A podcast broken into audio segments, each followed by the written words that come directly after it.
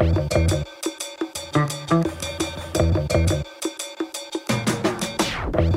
Italië krijgt de meest radicaal rechtse regering sinds Benito Mussolini. Giorgia Meloni heeft de verkiezingen gewonnen met Fratelli d'Italia, een partij die zichzelf postfascistisch noemt. Ook elders in Europa is extreemrechts al geruime tijd aan een gestage opmars bezig. Is het fascisme echt terug of zijn er toch duidelijke verschillen met de jaren 30? We praten erover met journalist Maarten Rabai en historicus Daniel Knecht. Mijn naam is Dries Vermeulen. Dit is duidelijk.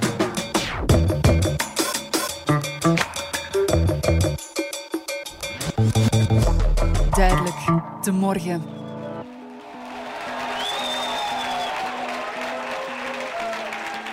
Da quello che emerge dalle prime proiezioni si possa dire che dagli italiani in queste elezioni politiche è arrivata una indicazione chiara. E l'indicazione chiara è per un governo di centrodestra a guida Fratelli d'Italia.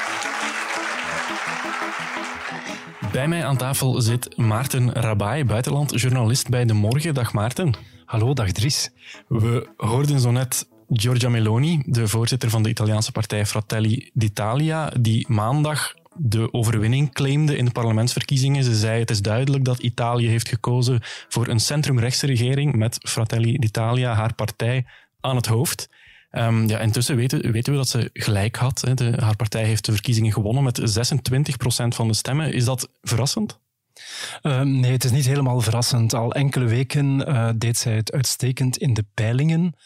En ook veel beter dan, dan eigenlijk haar coalitiegenoten met wie ze zal willen regeren. Dus de, de Lega Nord van Matteo Salvini en Forza Italia van eh, Silvio Berlusconi. Mhm. Ja, dus dat rechtse blok in Italië heeft nu een duidelijke meerderheid in het parlement en is dus aan zet om een regering te vormen. Inderdaad, ehm, de kans is eh, heel groot dat ze daarin zullen slagen. En dat is eh, ja, toch wel een, een unicum in de naoorlogse Italiaanse geschiedenis. Dat eigenlijk eh, iemand met een radicaal rechtse stamboom premier zal worden van het land. Ja, er wordt door velen gezegd, Giorgia Meloni en haar partij flirten met het fascisme van Mussolini, de, de dictator uit de 20e eeuw in Italië. In hoeverre moeten we haar daaraan linken? Wat heeft zij gemeen met dat fascisme? Welk verband is daar? Wel, ehm, je moet een beetje kijken naar de, de stamboom van haar partij. Ehm, haar partij is eigenlijk gegroeid uit de ter ziele gegane Alianza Nazionale, die dan op haar beurt was gegroeid uit de MSI. En dat waren eigenlijk partijen die ja, zich enten op het eh, ja, fascisme van, van Benito Mussolini. Zij waren eigenlijk eerder eh, neofascistisch dan Alianza Nazionale was postfascistisch. Nu, Wat, is het verschil? wel, eh, je zou kunnen zeggen de, de gradatie. Het, het, de tijd van de MSI die was echt nog dweepte openlijk nog met heel veel symbolen van het fascisme. Die had ook echt nog groepen in, in die partij die op straat kwamen en, en, en eigenlijk eh, ja, Mussolini bijna eerden. eh, zoals dat je in Duitsland ook, ook neonazis had. Dus zij waren echt wel heel aangebrand. Dan de Alianza Nationale heeft zich daarvan proberen te distancieren. Die werden dan iets gematigder. Die eh, kwamen dan ook eh, meer in het parlement, werden gematigd door de macht en distancieerden zich eigenlijk van die, meer en meer van die knookploegen. En wat je nu ziet is dat Meloni dat ja, nog meer wensen doen. Zij, zij trekt eigenlijk een, een beetje een, een breuklijn. Zij zegt van, ja, ik ken mij niet op, op dat eh, fascisme van Mussolini, zegt ze vandaag. Ja, want tijdens de campagne is er een filmpje opgedoken van Meloni uit eh, 1996, geloof ik. Een vrij oud filmpje dus, waarin ze expliciet zegt Mussolini heeft ook heel veel goede dingen gedaan voor Italië. Hij was een groot politicus. Maar nu distancieert ze zich daarvan. Ja, omdat, omdat zij ehm, eh, gemerkt heeft dat, dat ze in een verkiezingscampagne een, een, een breder publiek aanspreekt, heeft zij haar standpunten gematigd, retorisch dan toch.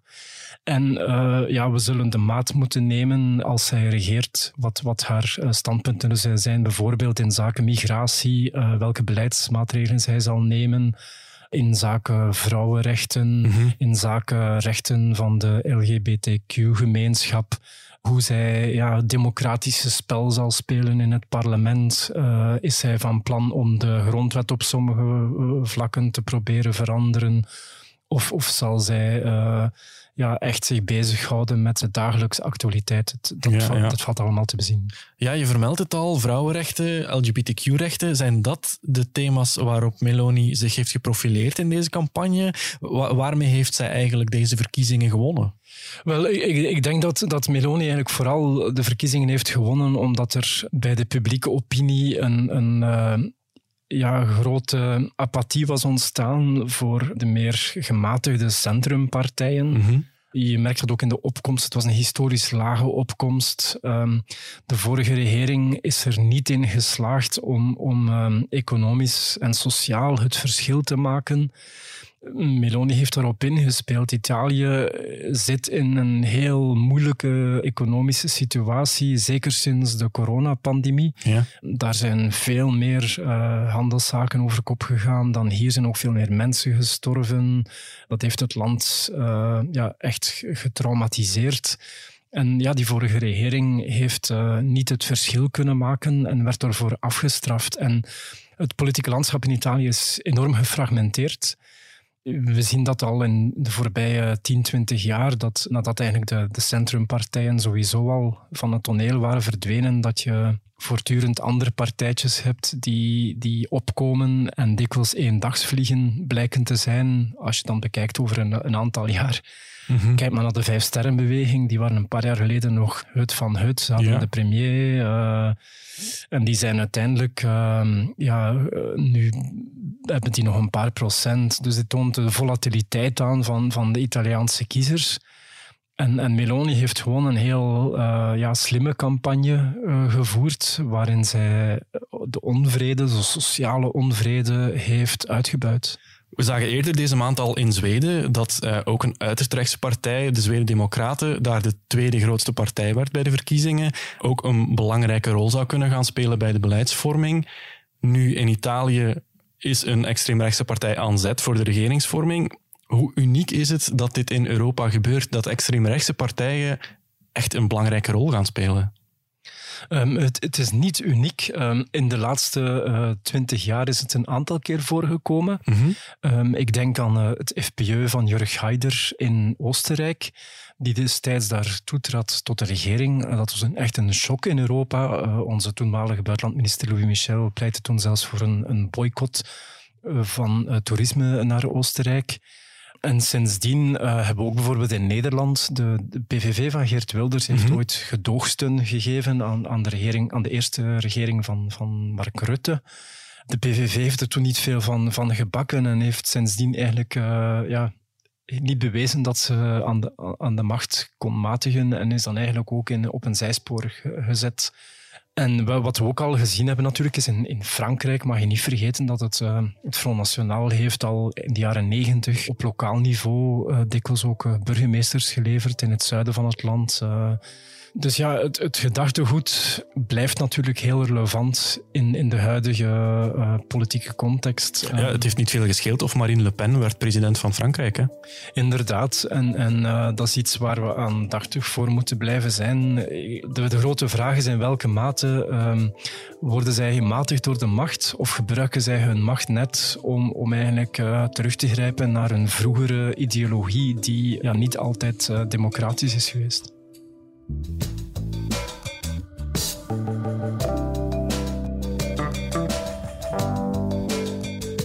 Moi, je crois que, Mussolini, c'était un, un, bon politicien. C'est-à-dire que, que tout ce qu'il a fait, il a fait pour l'Italie.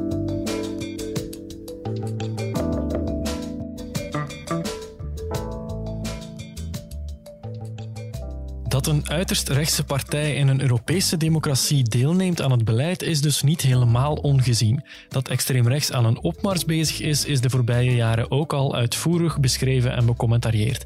Maar dat een Europees land een regeringsleider krijgt die openlijk flirt met een fascistisch regime uit het verleden, of dat althans vroeger openlijk heeft gedaan, dat is toch op zijn minst opmerkelijk te noemen.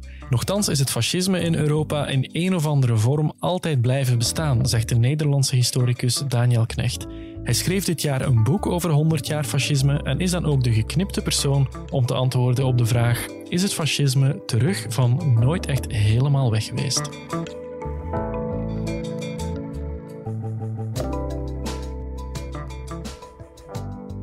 Daniel Knecht, u bent historicus. U doseert geschiedenis aan de Universiteit van Amsterdam. Dat is een eindje van Antwerpen, dus we spreken elkaar digitaal. Om te beginnen, bedankt dat we u even mogen bellen. Ja, dankjewel. U doseert geschiedenis. U bent meer bepaald ook gespecialiseerd in het fascisme. U bracht daar begin dit jaar een boek over uit, de geschiedenis van het fascisme. Daarin stelt u het fascisme is eigenlijk nooit echt helemaal verdwenen in Europa. Het is terug van nooit helemaal weg geweest dan neem ik aan dat het u ook niet echt verbaast wat er nu in Italië is gebeurd. Nee, nee, ehm, zeker in Italië niet. Ik denk het specifieke van, van de Italiaanse politiek is dat daar veel minder het fascisme wordt beschouwd als een, iets wat eigenlijk buiten de geaccepteerde politiek staat. Dus uh, het fascisme is daar meer dan in andere landen min of meer normaal onderdeel van de politiek. Dus iemand, iemand een fascist noemen of zelfs jezelf een fascist noemen is daar veel minder een taboe. Daar rust veel minder een taboe op dan in, dan in veel andere landen. Uh, maar het heeft natuurlijk de laatste uh, uh, weken wel heel erg centraal gestaan. Ja, want bijvoorbeeld van Giorgia Meloni kwam dat filmpje naar voren tijdens de campagne, dat oud filmpje uit de jaren negentig, waarin ze Mussolini een goed politicus noemde en zei die heeft veel gedaan voor Italië. Ja, dat kunnen we ons bijvoorbeeld in Duitsland niet voorstellen, dat iemand dat zou zeggen over Adolf Hitler. Nee, nee, absoluut niet. Dat, is, dat, dat contrast is heel scherp. Um, dat, gaat ook, ja, dat zie je ook terug in fascistische monumenten die gewoon vaak nog gewoon op een sokkel staan in Italië. Ik ben er net een paar weken geweest en uh, dat valt heel erg op. Dus uh, nee, inderdaad. Dus uh, de, de erfenis van Mussolini wordt door best veel Italianen omarmd. Of nou, echt omarmd is een groot woord, maar veel Italianen die vinden, die hebben een gemengd oordeel over de fascistische dictatuur. Die zeggen Mussolini heeft fouten gemaakt.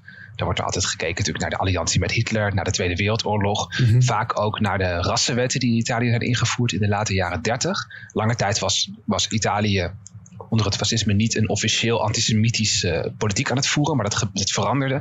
Nou, dat wordt dan als fouten beschouwd, maar bijvoorbeeld autoritair bestuur uh, het liquideren van de oppositie, maar ook een, natuurlijk een soort van grote bouwcampagne, uh, moderniseringscampagne. Dat wordt als een soort van positieve erfenis beschouwd. Dus zijn, dus veel Italianen hebben een gemengd oordeel over, uh, over Mussolini en over het fascisme. Ja, extreem rechts of radicaal rechts groeit op verschillende plekken in Europa. We hebben ja, deze, deze maand nog de Zweden Democraten in Zweden die goed gescoord hebben met de verkiezingen. In Nederland Forum voor Democratie, de PVV, Vlaams Belang in België. Is dat allemaal één familie of zijn er toch nog verschillen met bijvoorbeeld Fratelli d'Italia in Italië? Um, er zijn altijd verschillen. Uh, die had je natuurlijk ook in de, in de jaren dertig tussen fascistische partijen onderling. Die waren ook uh, qua programma en qua uh, oriëntatie waren die heel divers. Um, dat zie je natuurlijk ook bij moderne extreemrechtse partijen. ik denk het interessante van de Fratelli d'Italia is dat ze dus heel direct voortkomen uit een fascistische beweging van kort na de oorlog. De Zweden-Democraten komen heel. Nou, dat, was een partij die eigenlijk neonazistisch was lange tijd. Um, dat is natuurlijk bij partijen als het Vlaams Belang en, en Vorm voor Democratie is die directe afstamming er minder sterk. Het zijn nieuwere partijen. Vlaams Belang is natuurlijk geworteld in de Vlaamse beweging. En daar kun je natuurlijk ook een hoop over zeggen qua uh, openheid voor het fascisme minstens. Maar dan moet je wat indirecter gaan kijken. Dus de, als je, de geschiedenis van die partijen die, die is anders. Ze manifesteren zich natuurlijk ook in andere nationale contexten, waar andere uh, politieke problemen bestaan en andere politieke agenda's. Um, maar ik denk dat de gelijkenissen uh, uh, ja, eigenlijk onontkenbaar zijn. En de partijen vinden elkaar natuurlijk ook steeds meer op een internationaal niveau. Er wordt steeds meer samengewerkt. ze gaan vaak bij elkaar op bezoek. Dus dat hoeft ook niet heel erg te verbazen. Welke kenmerken delen zij dan, al die partijen? Wat ze allemaal met elkaar delen is een, uh, een, een, sterk nationalisme. Je zou het ultranationalisme kunnen noemen, waarbij het nationale niveau van fundamenteel belang wordt geacht en ook boven andere identiteiten verheven uh, lijkt te zijn. Het gaat ook om het idee van populisme. En populisme betekent dan specifiek uh, het idee dat het volk een eenduidig karakter heeft. En het volk een eenduidige uh, wil heeft. En dat die volkswil wordt verraden door een elite. En die elite die wordt vaak dan ook in verband gebracht met een vreemd buitenlands, niet-nationaal element. Mm-hmm. Dat het volk dus niet uit een groep individuen bestaat met allemaal verschillende meningen en politieke overtuigingen. Maar dat het volk een soort van organische eenheid is. En dat het volk de elite als absolute vijand heeft. En de elite hoeven niet de rijkste mensen te zijn, maar dat is een soort van de heersers of de mensen die vertellen welke kant het op moet, um, die worden dan eigenlijk aangevallen en bekritiseerd. Nou, die mythe zit heel sterk in, denk ik, in al die moderne extreemrechtse partijen, samen met dat nationalisme. Het fascisme voegt daar in mijn optiek een paar dingen aan toe die die toch wel wat revolutionairder zijn. Die dus echt toch een, uit zijn op een, op een fundamentele transformatie van, van de politiek en ook van de maatschappij. Dus um, fascisten streven naar een nationale wedergeboorte. Ze zijn ervan overtuigd dat het, dat het volk en het vaderland nu zwak zijn en verdeeld zijn en tegen elkaar worden uitgespeeld door vijanden. Maar dat, het weer, dat het ze weer kunnen herreizen in hun oude glorie. En daarmee wordt eigenlijk ook uitgegaan van een omverwerping van de bestaande, bestaande systeem. Dus eigenlijk moet er een nieuwe mens en een nieuwe staat komen. Nou die mhm. boodschap is denk ik wat moeilijker te vinden in veel moderne extreemrechtse partijen. Uh, al zijn er ook wel weer uitzonderingen op denkbaar. Dus bij Fratelli d'Italia is dat ook ja, wel aan, op een niveau van de, van de harde kern van de partij is het ook wel zichtbaar. Al heeft natuurlijk Giorgia Meloni heel erg ook haar toon heel erg eh, gematigd. Ja, want dat is iets inderdaad dat je, dat je de laatste jaren vaak ziet, dat die uiterst rechtse partijen hun discours gaan opschonen om, ja, ik neem aan, meer kans te maken bij verkiezingen, meer mensen aan te spreken. Ja. ja, en dat is natuurlijk een interessante ontwikkeling. Dus betekent dat dat die partijen minder extreem worden? Of betekent het juist dat die bewegingen heel flexibel zijn en dat ze zich op die manier kunnen verzekeren van meer steun voor een agenda die wel degelijk heel extreem is? Dat, dat, is, dat zijn natuurlijk twee manieren om er naar te kijken. En waarschijnlijk zijn ze allebei een beetje waar. Ja. Uh, Leonie de Jonge, politicologe in Nederland, die zei deze week in onze krant wat we nu zien in Italië is het gevolg van twintig jaar normalisering. Zowel de media als meer centrumrechtse partijen hebben eigenlijk meegewerkt aan het normaliseren, het salonveeg maken van extreemrechtse partijen. Ik denk dat dat wel klopt. Ja, er is, er is uh, het bereik van dat wat acceptabel is, dat gezegd kan worden dat dat opschuift. En dat, dat zie je, denk ik, dat zie ik in Nederland ook, uh, ook, ook echt gebeuren al, al langere tijd. Uitlatingen die eigenlijk lange tijd politiek taboe waren, of als echt heel erg extreem werden beschouwd, die drongen door tot de politieke mainstream. Die werden eigenlijk overgenomen door uh, gangbare middenpartijen. Ik denk wat er in Italië specifiek aan de hand is, wat ik ook de afgelopen weken, toen ik in Rome was, veel heb gehoord, is dat het er ook aan ligt dat de linkse partijen zich hebben vervreemd van een deel van hun traditionele achterban juist de, de, de, de echte de, de, onderklasse van de bevolking zich in de steek gelaten voelt door links. En een proteststem uitbrengt. Dat heeft denk ik mhm. wel een belangrijke rol gespeeld bij dit succes van de, van de Fratelli d'Italia bij deze verkiezingen.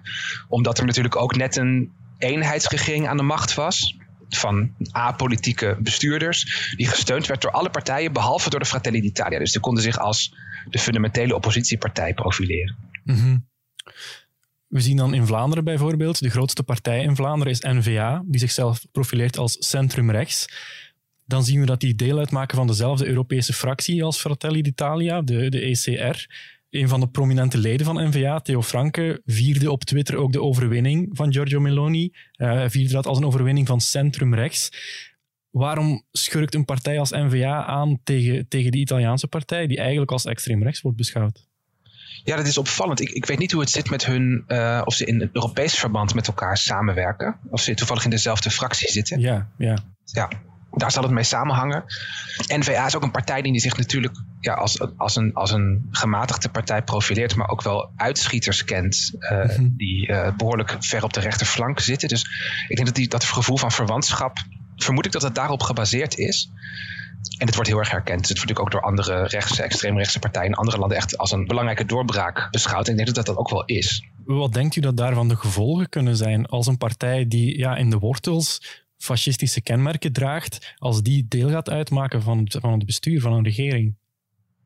Ja, dat, dat, het, dat het denk ik. Um, misschien keren we wel terug naar een situatie waarin fascistische ideeën uh, een normaal onderdeel van de politiek vormen in heel veel landen. Dus dat, dat, dat zou ik niet. Dat klinkt wel, dat is een beetje een langere termijn idee. Maar dat, zou, dat kan ik me wel voorstellen dat het die kant op zal gaan.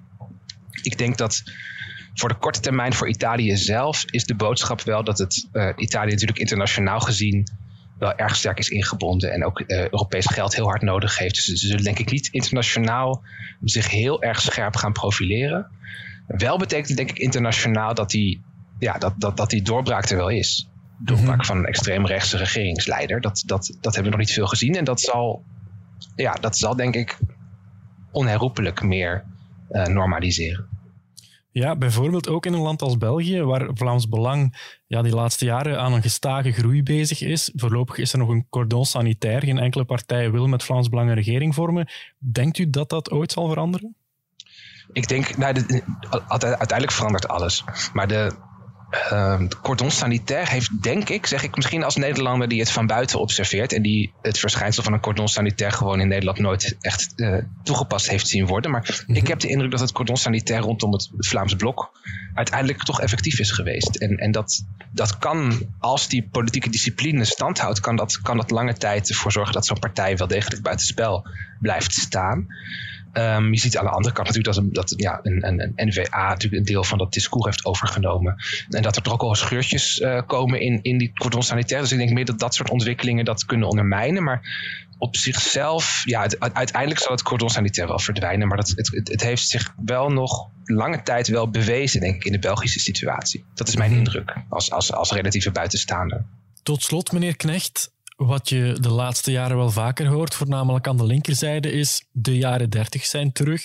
De rechterzijde doet dat dan af als een groteske overdrijving. Maar u als kenner, als expert in het fascisme, ziet u signalen die u doen terugdenken aan de begindagen van Nazi-Duitsland, aan de aanloop naar de Tweede Wereldoorlog?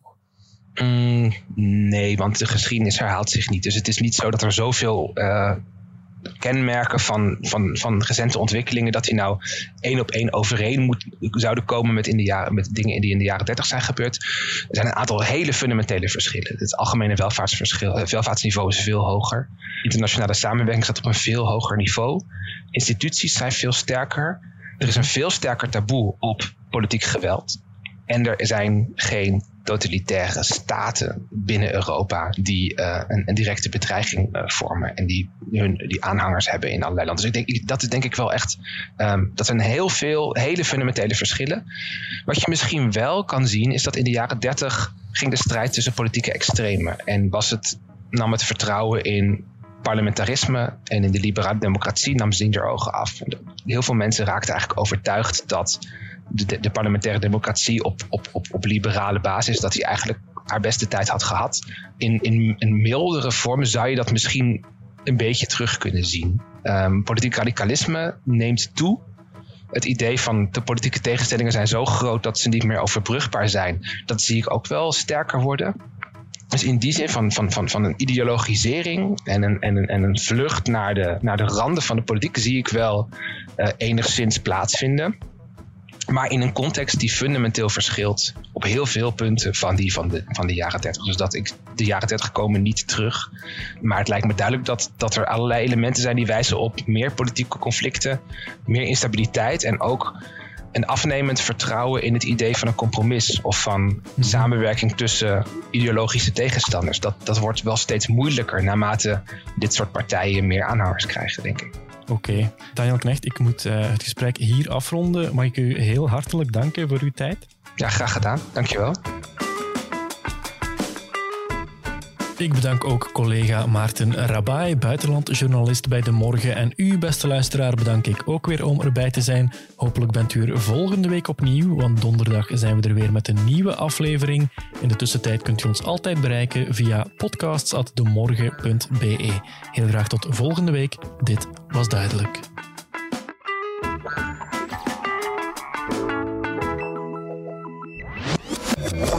Duidelijk. De morgen.